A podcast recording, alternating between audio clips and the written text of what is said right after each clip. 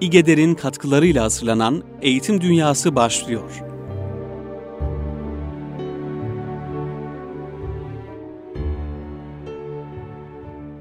Merhabalar kıymetli Erkam Radyo dinleyenleri. Ee, bir Eğitim Dünyası programında daha sizlerle birlikteyiz. Hepinizi saygıyla selamlıyoruz. Bugün iki değerli konuğum var e, stüdyomda. E, Düzce'den Bekir Gürler hocamız. Hoş geldiniz hocam. Hoş bulduk. Teşekkür ederim. E, Samsun'dan İbrahim Sezer hocamız. Siz de hoş geldiniz hocam. Hoş bulduk. Teşekkürler. E, programımıza e, iki ayrı şehirden e, konuğumuz davetli. Tabii bizim programımız için gelmediler. İsterdik ki sadece bizim programımız için gelsinler. Öyle diyormuşum. Belki geliriz. Ee, eyvallah. İnşallah. Davete icabet ederiz, davet edersiniz. Ee, eyvallah. Ee, samimiyetiniz için çok teşekkür ederiz e, değerli hocalarım. Şimdi kıymetli dinleyicilerimiz e, İstanbul Gönüllü Eğitimciler Derneği'nin e, ulusal seçmeli dersler çalıştayı var şu günlerde. E, bugün ve yarın olmak üzere tüm Türkiye çapından kıymetli gönüllü eğitimcilerimiz İstanbul'dalar. İGEDER onları ağırlamaya çalışıyor. Onlarla çeşitli programlar tertip ediyor. E, bu vesileyle biz iki öğretmenimizi oradan hemen e, yakaladık ve e, sağ olsunlar e, programımıza konuk oldular. İki öğretmenimizde şöyle bir ortak noktamız var aynı zamanda. E, Afrika yolculuğunu birlikte gerçekleştirmiştik yazın. Bir gönül yolculuğu Afrika seyahatini e, beraber yaptık.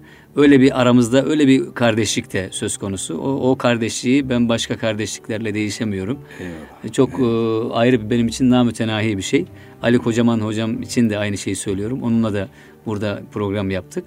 Onu da e, Afrika'dan e, arkadaşlar dinlemişler Bekir hocam. Onu söylediler geçen de. Çok memnun kaldık. Çok güzel. E, yani oradaki ziyaretimizin, e, oradaki etkinliğimizin çok büyük yankıları oldu. Yani artık yeter diyecek neredeyse dinleyicilerimiz. Çünkü her programda bahsediyorum. E, ama bahsetmekten zevk alıyorum açıkçası. Çünkü oradaki e, kardeşlik, oradaki hizmet, orada bir taşı alıp bir kenara koymak buradakinden çok farklı. Bunu bir kere söylemek isterim. Sizler de bunu takdir edersiniz. Hocam öncelikli olarak Afrika ile ilgili konuşalım istiyorum. Afrika'ya dair şeyler söyleyelim. Mutlaka sizin izleyenlerinizi de e, paylaşmak isteriz dinleyicilerimizle. Ama onun öncesinde sizler İGEDER'in birer gönüllü eğitimcisisiniz. Yani İGEDER'e gönülden bağlısınız bunu biliyorum. İGEDER menşeili, İGEDER kaynaklı çalışmalarınızdan önce söz edebilir miyiz? Onu soralım. Bekir Hocam'dan Düzce'den başlayalım. Neler yapıyorsunuz? Düzce'de e, durumlar nasıl? Öyle soralım. Evet, öncelikle yapmış olduğum görevden hareketle tanıtarak yola çıkayım. Düzce'de sınıf öğretmenliği yapmaktayım. Yaklaşık 7 yıldır Düzce'de sınıf öğretmenliği yapıyorum. Daha önce 5 yıl Kastamonu'nun Küre ilçesinde sınıf öğretmenliği yaptım. Ee, GEDER felsefesi doğrultusunda Düzce'de ne gibi çalışmalar yapıyoruz? Öğretmen birlikteliklerini sürdürmeye gayret ediyoruz. Her hafta muhtar olarak arkadaşlarla bir araya gelip bir eğitimci olarak eğitimin problemleri nelerdir? Bizce görülen problemleri, aksaklıkları nelerdir? Büyük ölçekli olmasa da mikro ölçekli olarak bizler üzerimize düşenleri hangi noktada yapabiliriz, gerçekleştirebiliriz? Hangi noktalara değinebiliriz? Sadece sorumluluklarımız sınıfımızın içinden mi ibaret? Yoksa dışarıda da bir şeyler yapabilir miyiz? Bunun dertliyle her hafta bir araya geliyoruz. Hafta sonları öğrencilerimizle beraber zaman geçirmeye gayret ediyoruz. Sadece okulda e, önümüzde olan programlardan hareketle değil de hafta sonlarında da onlarla birlikte değişik platformlarda bir araya gelmeye gayret ediyoruz. Bu çeşitli branşlardaki arkadaşlar değil mi Kesinlikle hocam? yani e, bunda idareci olan arkadaşlarımız da var içimizde. İşte din kültürü ve ahlak bilgisi öğretmeni, e, rehber öğretmenlerimiz, yine eğitimci olup şu an farklı kulvarlarda, farklı alanlarda çalışan arkadaşlarımız da var. Hı hı. Zaman zaman üniversiteden akademisyen büyüklerimiz var. Onlarla bir araya geliyoruz. Bizim bakış açımızda ve onların bakış açısıyla zaman zaman şu soruları yöneltebiliyoruz. Biz eğitimi öğrenci ve veli profiliyle değerlendiriyoruz. Onlar üzerine yoğunlaşıyoruz. Acaba akademisyenler olsun ve bizim bir de e, teftiş ayağımız var milli eğitimde. Acaba teftiş gözüyle olaylar nasıl? Onlar biz hep e, veli ve öğrenciyi değerlendiriyoruz da Evet. işte aksaklıkları dile getiriyoruz. Ya şöyle olsa böyle olur. gibisinde yorumlar getiriyoruz. Diğer taraftan da onlara soruyoruz acaba siz bizi nasıl görüyorsunuz oradan? Ve genel kanaat yani ülkenin genelini kapsayacak projelerden ziyade bunlara kafa yormaktan ziyade yormaktan demeyelim de yani değiştiremeyeceğimiz bazı çizgileri değiştirmeye gayret etmekten ziyade mikro ölçekli projeler Tabii üretip ki. mikro ölçekli neler yapabiliriz? Bu da nedir mikro ölçekli derken işte Düzce'de neler yapabiliriz? Şimdi tutup da bakanlığı ilgilendiren bir konuda saatlerce e, kafa patlatmak Evet, çok da, vatan e, kurtarmanın ciddi, bir anlamı yani, yok, yani, değil mi? e, çok ciddi bir çözüm üretmez ama Evet. Biz Düzce'de neler yapabiliriz? Farklı ne üretebiliriz? İşte karakter eğitimine mümkün olduğunca ağırlık vermeye gayret ediyoruz. Eyvallah. Yani geriye dönük olarak unutulmaya yüz tutan e, değerlerle ilgili neler yapabiliriz? Bunlardan bir ayağı da zaten bizim okulumuzda başlatmış olduğumuz çalışmalardan bir tanesi değerler eğitimi. Bekir Hocam bunları siz söylerken şu geldi aklıma. Ee, Mustafa Kaçalin hocamız bu Türk Dil Kurumu Başkanı şu an kendisi aynı zamanda profesör doktor. Bizim de üniversiteden hocamızdı. Ee, çok muhterem bir insandır. Onu ziyarete gitmiştik İgederci. Ee, o demişti ki öğretmenler arasında neler yapabiliriz hocam diye sormuştuk kendisine. Ee, İbrahim hocam da e, yakından bilir onu. e, Türk Dil Kurumu Başkanı'nı ki Türkçe ile ilgili güzel çalışmaları var. Dedi ki farklı branştaki öğretmenler bir araya gelebilirse ve zaten o öğretmenler öğretmenler odasında bir selam aleyküm aleyküm selam işte notlar nasıl şu öğrenci nasıl diye konuşabiliyorlar. Başka kendi alanlarına dönük çok fazla bir konuşma imkanı bulamadıkları için birbirlerinden çok istifade edemiyorlar.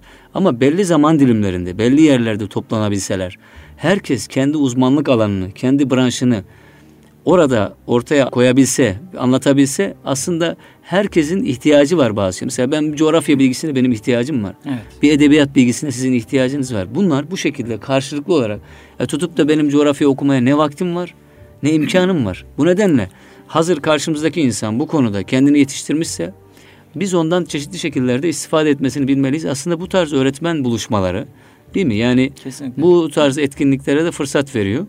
Ee, bunu önemsemek lazım. Bunu her e, bölgede aslında İgederce de önemsemek, önermek lazım diye düşünüyorum açıkçası. Bu karakter eğitimi noktasında e, milli eğitimin çeşitli çalışmaları var ama sizin ayrıca yaptığınız bir şeyler var mı yoksa? Bizim ayrıca tabii ki e, bir şey altında okulumuz resmi bir okul. Aile resmi bir e, okulun çatısı altında bir proje haline getirdik. Biz bunu valiliğimize sunduk. Valimizden e, onay alındı.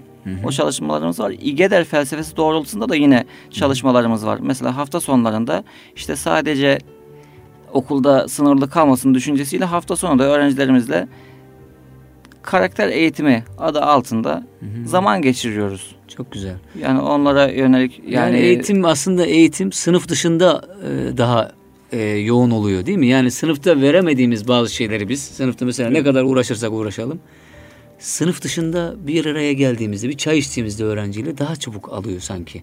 Sınıf içinde böyle çok açık olmuyor öğrenci. Bu tarz etkinlikler o hafta sonu bir araya Kes- geliyoruz dediniz kesinlikle ya. sinema çalışmaları. Mesela değil mi bu tarz etkinlikler öğrenciyi aslında gönlüne giden yolu da yakalamaya bize fırsat veriyor. Ee, çok güzel çalışmalar. Allah daim eylesin diyoruz. Amin Ee, inşallah. Hocam. Ee, İbrahim Hocam, İbrahim Sezer de e, Samsun'dan e, geliyor.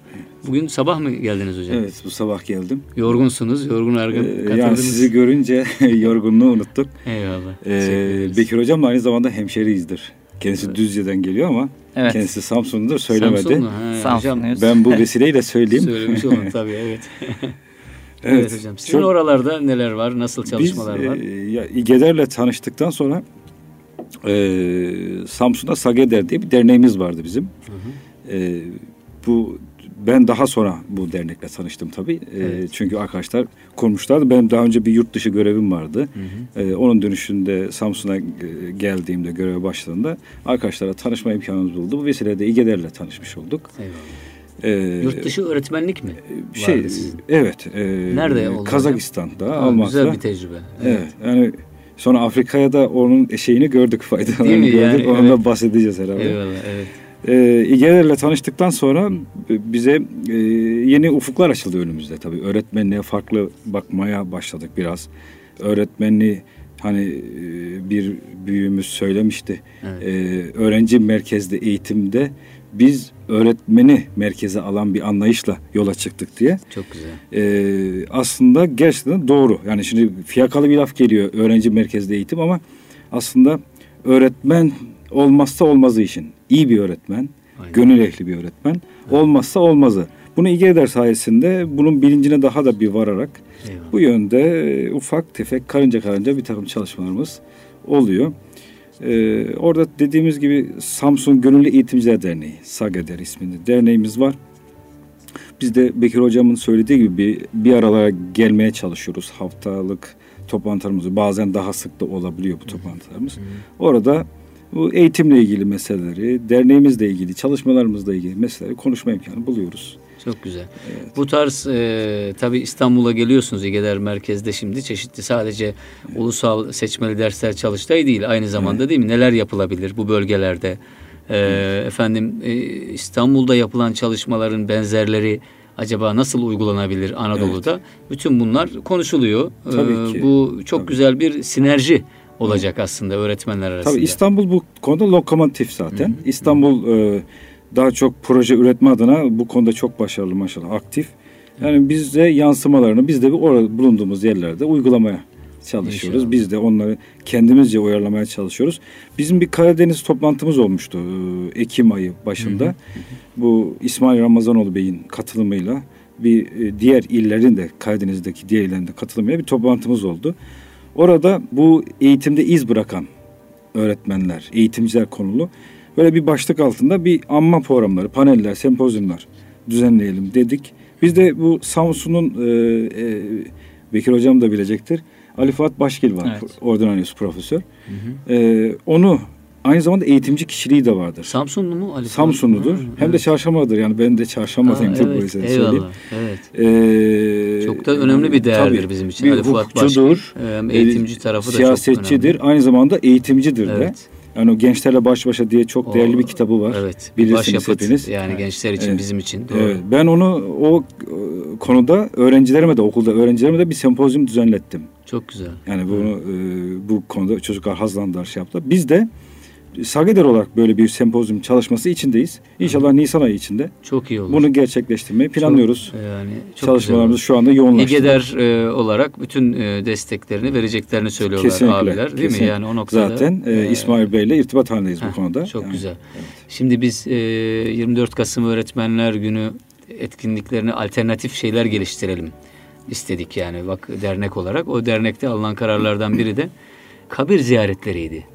Yani öğretmenlere, muallimlere, değerlerimize önem vermek, onları gençlere tanıtmak, gün yüzüne çıkarmak anlamında Ali Fuat Başgil de e, ziyaret ettiklerimizden biriydi. Mezarı burada değil Ha, mi? burada Sam- İstanbul'da. e, hı, evet e, Karacaahmet'te ve o, o ziyareti gerçekleştirdi arkadaşlarımız. Biz o, o anda Fethi Gemuhluoğlu, işte Mahir İz, e, Hamdi Yazır hocalarımızın kabirlerini ziyaret ettik. Orada onlarla ilgili çeşitli konuşmalar yapıldı. E, aynı zamanda Bekir Hocam orada bir manevi atmosfer de oluyor. Yani değil mi? O insanları ziyaret ettiğimizde e, onlardan bizim e, ruhumuza bir inikas söz konusu oluyor. Ben onu e, geçen günlerde e, öğrencilerimizle Mehmet Akif'in kabrini ziyarete gittik. Orta üç öğrencilerim vardı. İşte ondan sonra Panorama Müzesi'ne götürdük onları 1453 Panorama'ya. Çok memnun kaldılar. Orada da hissettiler. Onlara da söyledim. Bakın dedim Akif'e şimdi huzurundayız. İçinize gelen, içinizde şu an doğan huzuru hissediyor musunuz diye sordum. Hepsi böyle bir böyle anlamlı anlamlı baktılar. Hakikaten bu tarz ziyaretler önemli yani. Bunları gerçekleştirmek lazım. Oradaki manevi atmosfer ister istemez iç dünyaya sirayet ediyor. Sirayet ediyor. Bir de Edirne Kapı şehitlik Evet, aynı zamanda. Cennet parçası, cennet toprağı. Yani o yüzden e, bu öğrencilerin aslında demin söyledik ya e, asıl burada öğreniyorlar hocam. Yani gerçekten ben onu keşfettim. Yani yaparak, yaşayarak, mahallinde öğrenmek Yani. çok daha kalıcı iz bırakıyor. Yani desek de işte şehitlik, e, vatan, Mehmet Akif, bütün bu e, değerler, bu duyguları derslerde dakikalarca, saatlerce anlatabilirsiniz. Evet. Ama yerinde görmek, yani bu faaliyetleri yürütmek çok önemli. Ali Fuat Başgil ile ilgili okulda da yapmış olduğunuz o program mesela Evet. çok değerli görüyorum ben bunları. Evet. E, çocukların mesela çocuklara bırakmak bu tarz sunumları, değil Evet, mi? evet. Bazı e, okumaları onlara bırakmak. Diyelim ki eğer burada e, bir kabir ziyareti yapılacaksa Kur'an'ı onlara okutmak. Yani siz her zaman okuyabilirsiniz. Onların orada onlar o çalışma görev almış içinde olması alsınlar, değil mi? değil mi? Çalışmanın- Bizzat elleri dokunsun çalışmaya. Tabii içinde olmaları çok daha değerli. Evet. Peki inşallah yeni yeni daha çeşitli güzel aktivitelerle sizi konuk etmek isteriz e, Bekir Hocam. İnşallah. Afrika'dan da söz edelim. Şimdi beraber e, geçen Ramazan ayında bir Afrika yolculuğumuz oldu. Bizim için çok büyük dersler, hikmetler içeren bir yolculuktu bu. Döndüğümüz zaman da her birimizin paylaştığı o anılar, e, cümleler, günlükler diyelim kitaplaştırıldı. O kitabı da yakın zamanda İGEDER yayımladı. Kitaba ulaşanlar göreceklerdir. Ama birinci ağızdan sizden dinlemek isterim. Yani ne, ne bıraktı sizde hocam? Yani bu yolculuk. Bizde şunlar bıraktı. Bir kere ilk inişimiz Vagadugu'ydu. Burkina Faso'nun Başkent. başkenti Vagadugu'ya indik. Yani dünyanın dışına çıkmış gibi bir iz bıraktı bende. Acaba dedim burası dünyayla bağlantısı var mı? Bir diğeri yani sahip olduğumuz nimetlerin hesabını veremeyeceğimiz o anda aklıma geldi. Kesinlikle yani bir şok etkisi yarattı. Bir de yaşadıkça değil mi? Orada yaşadıkça, kaldıkça. yaşadıkça yani e, bizim bırakın normal günlük hayatta kullanmayı elimizi sokup ayakkabımızı temizlemek için kullanmayacağımız suları insanların günlük hayatlarında kullandıklarını gördük. Yani, Abdest alırken kullandıklarını gördük. Çok ciddi bir e, farklılık uyandırdı. Hatta döndüğümde bana şu sorular soruldu. Bir farklı yani ne gördünüz? Kesinlikle dedim imkan olan herkesin karşısına çıkan fırsatları değerlendirerek farklı yerlere gitmesi gerektiği, ufkunun açıldığı, dünyaya bakışının değiştiği çok aşikar ortada. E, izlenimlerin bir tanesi de şeydi, Gana'ya gittiğimizde gördüm. E, az önce programa girmeden önce de onu dile getirmiştim. Tek cümle kurun deseler bana yeryüzünde Müslüman millete sahip çıkacak, onlara hamilik yapabilecek, organizasyon kabiliyeti yüksek, bu işi becerebilecek tek milletin ben Türk milleti olduğunu gördüm. E, kitapçıkta da çıkan Afrika günlüğü ile ilgili çıkan kitapçıkta da yer almıştı. F- bakma fırsatım oldu. Oradaki Akra Furkan Camii'nin yapılması. Birçok zengin ülkeler olaya başlamışken sonunu getirememişler. Bunu şunun için söylüyorum. E, Türk milletinin çok üstün bir yeteneği var. Organizasyon kabiliyeti yüksek. Başladığı işi bitirme kabiliyeti bu noktada eğer samimi ise bitirebilme kabiliyeti yüksek. Onu gördüm ve yurt dışında Türk milletinin yapabilecek çok şeyinin olduğunu gördüm. Oraları unutmamak gerek. Her daim gündemde tutmak gerekiyor. Yani televizyonda izlediğimizde gördüğümüz arasında çok farklılıklar var. doğru. Yani ufkumuzda ciddi değişiklikler oldu. Eyvallah. O Akra Furkan Camii demişken orada e, bu hani organizasyon becerisi ya da Evet. bir şeyler yapma, bir şeyler ortaya koyma noktasında e, Türk insanının becerisi anlamında Rizeli bir mühendis e, vardı hatırlarsanız. Abi Ergün bizi, Bey, e, yanlış hatırlamıyorsam evet, Akra ismi. Camii'ni gezdirdi sağ olsun. Orada hemen bir bostan Evet. yapmış yani bir bahçe e, efendim domates biber hatta gördük orada yani Evet, arkadaşlar değil mi? Efendim e, şaşırmışlar yani neden böyle bir şey yapıyorsun diye sormuşlar oradakiler ya. Neden olsun işte yiyelim beraber e, yiyelim bunları hani böyle bir şey olsun diye. Ya ne gerek var markette var ya demiş oradaki bir tanesi. Şimdi orada hani bir e, hazırcı bir anlayış tabii yani anlayışlar çok farklı. Ama e, o mühendisin aslında o cevabı oradaki e, uygulaması her şeyi aslında açıkça anlatıyor. E, o bizim insanımızın orada yaptıkları noktasında, yapmak istedikleri noktasında.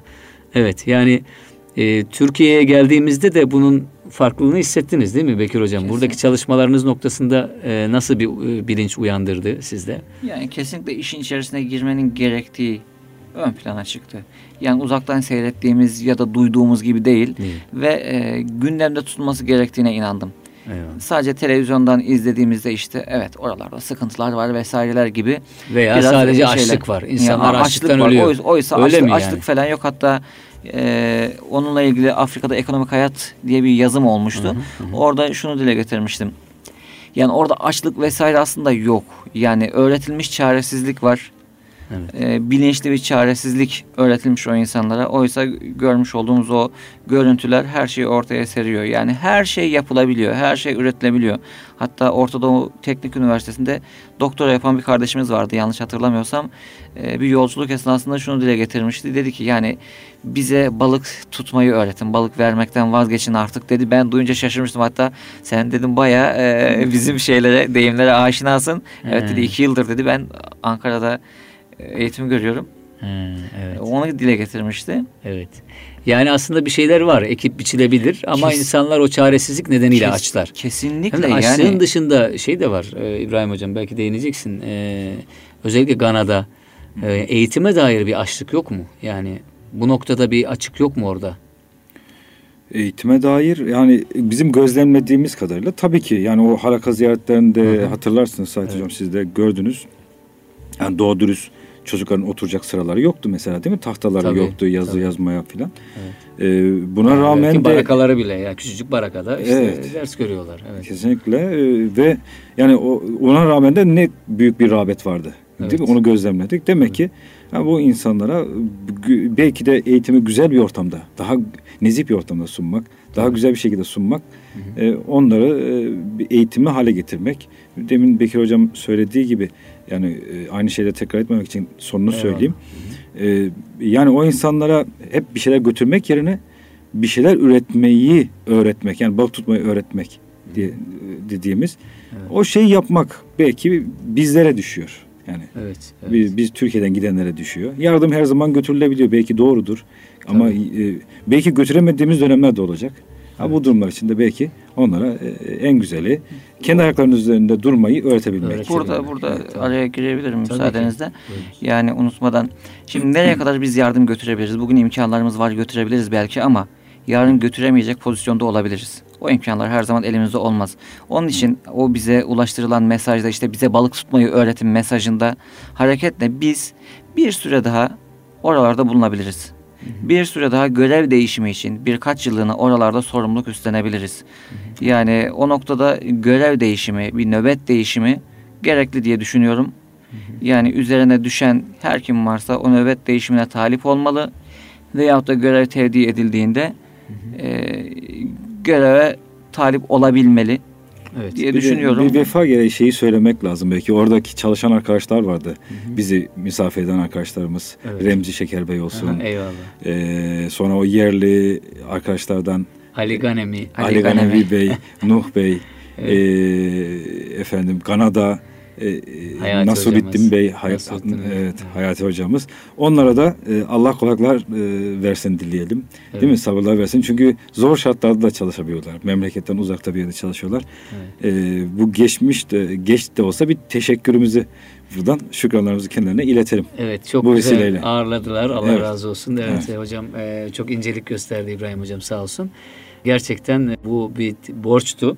Evet. Orada bizi hani e, zor imkanlar da olsa kısıtlı evet. imkanlara rağmen hoşnut etmeye çalışmaları değil mi uğraşmaları e, Elhamdülillah beklen şey. ben e, beklentilerimin daha fazlasını aldım diyebilirim. Yani Afrika deyince evet. hafızamızda canlanan algının çok daha ötesinde rahat ettirdiler bizi o yokluklar içerisinde. Eyvallah.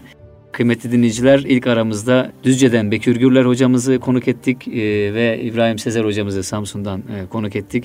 Giderken e, memleketlerinize, oradaki öğretmenlerimize, arkadaşlarımıza çok selam götürün. Evet kıymetli dinleyiciler Erkam Radyo'da Eğitim Dünyası'ndayız. Birinci bölümümüzde konuklarımız vardı. İkinci bölümde bazı eğitim yazılarımız var. Onları sizlerle paylaşmak istiyorum.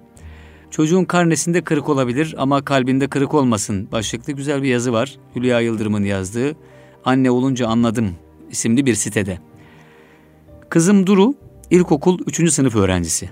Ben başından beri ne iyi karneye çok sevinirim ne de kırık notlar karşısında çok üzülürüm. Kuzucuğumla ilgili her şey en baştan kabulümdür. Olabilir ama çocuklarımız daha anaokulundan beri rekabete konuşlandırılıyor. Öğrenmekten keyif almak değil ki onlara öğretilen yenmek, en iyi olmak hem de her konuda. Karnesinde 5 üzerinden 4 alan öğrenci oturup ağlıyor, anne babanın yüzü düşüyor, neden karnesine 4 verdiniz diye öğretmene hesap soruluyor.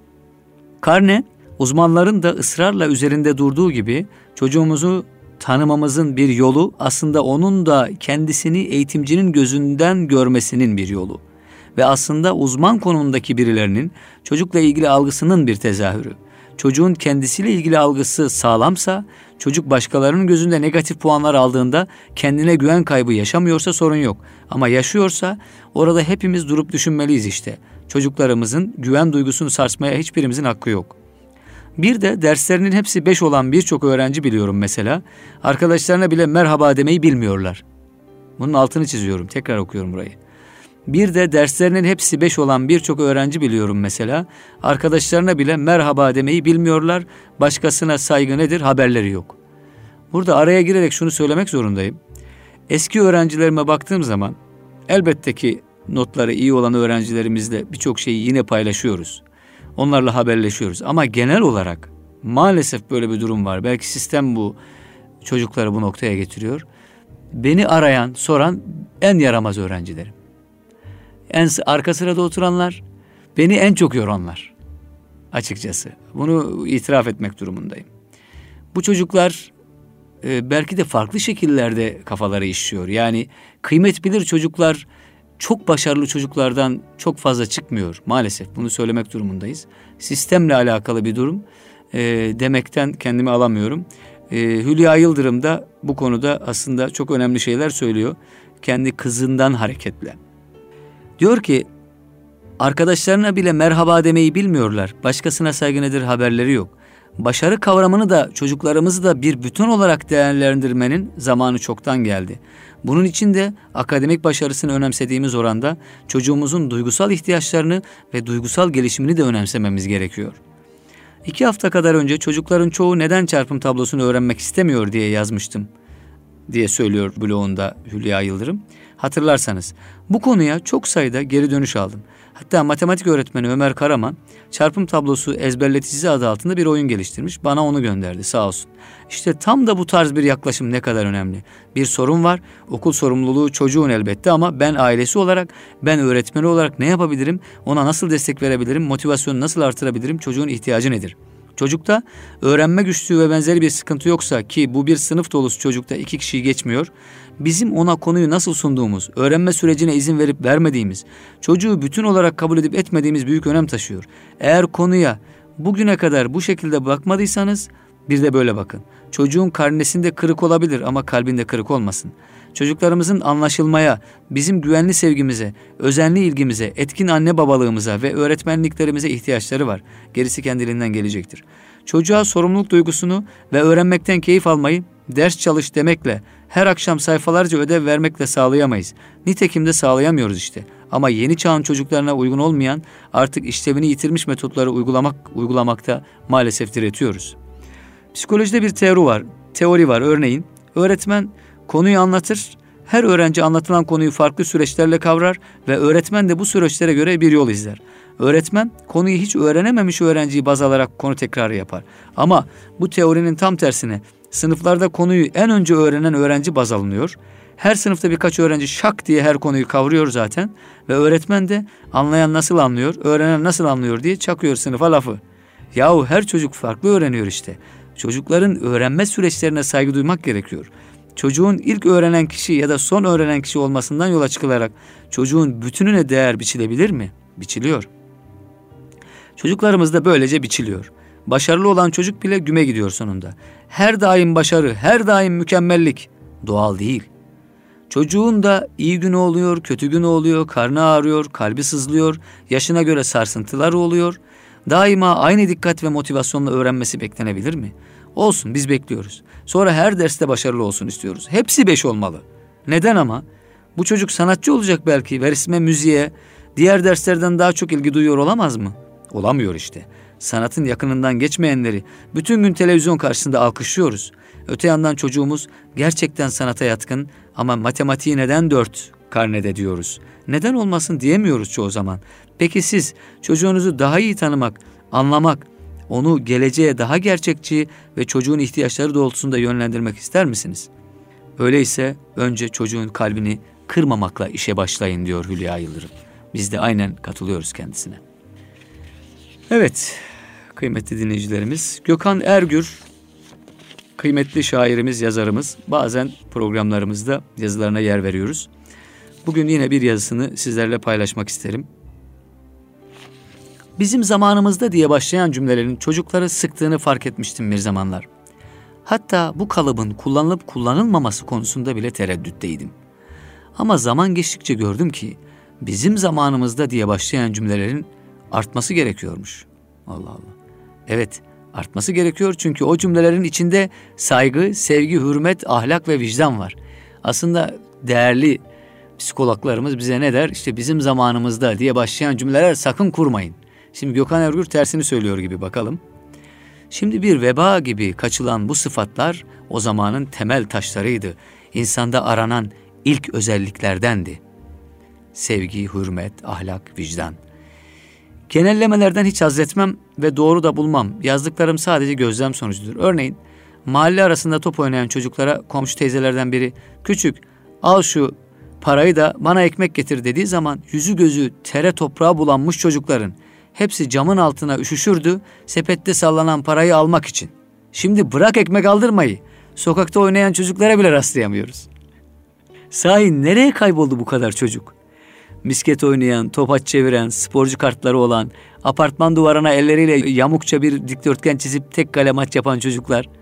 Amacım 80'leri ya da 90'ları yad edip klişeleri kullanmak değil. Sadece bugün olmayanı söylemek. Bugün o çocuklar halı yıkanan sokaklarda artık yok. Artık sokakta halı yıkayanlar da halı yıkayanlar da yok gerçi. Gelip kapımızdan alıyorlar halınızı. Tertemiz edip getiriyorlar tekrar evinize. Bir makine gururuyla. Çocuklarımızı da kapıdan alıp kaçırdı o makineler. Kendi odalarına tıktı bir robot gibi. Evet, kaçırıldı çocuklarımız sokaklardan, parklardan, piknik alanlarından, hatta oturma odamızdan. Bilgisayar şirketleri dört bir koldan sardı etrafımızı. Her geçen sene daha da gerçekçi oyunlar yaptılar. Daha heyecanlı, daha zevkli, daha ruhsuz, duygusuz. Misal çocuğun canı futbol oynamak istedi. Akıllı telefonundan bir mesaj atıyor üst kattaki arkadaşına. Başlıyorlar online olarak karşılıklı futbol oyunu oynamaya. Maç bitiyor.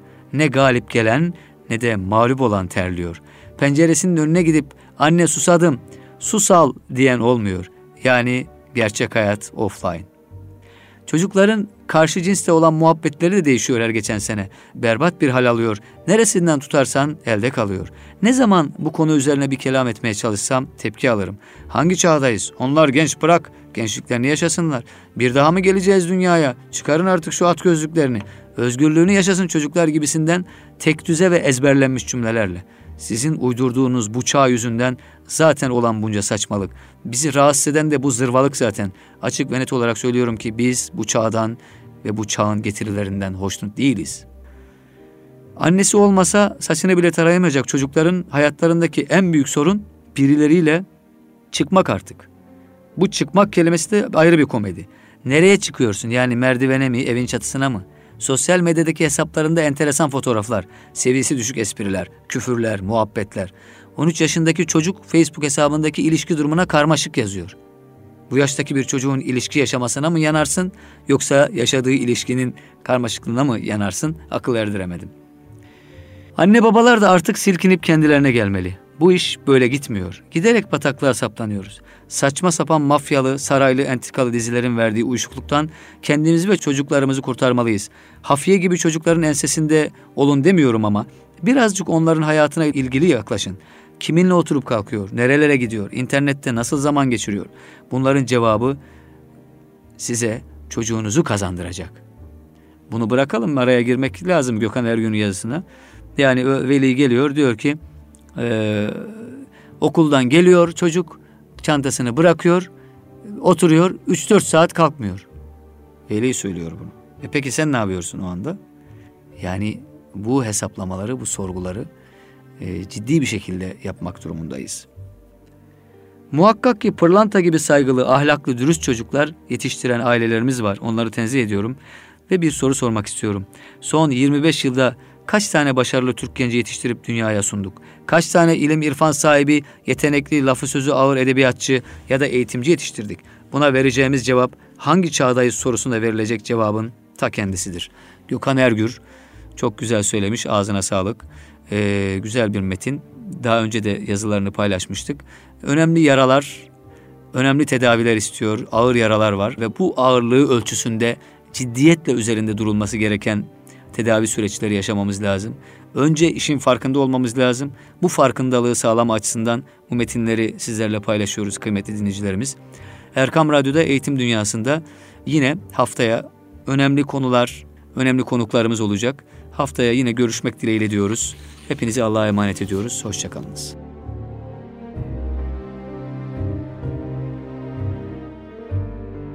İgeder'in katkılarıyla yayına hazırlanan Sayit Yavuz'la Eğitim Dünyası programını dinlediniz.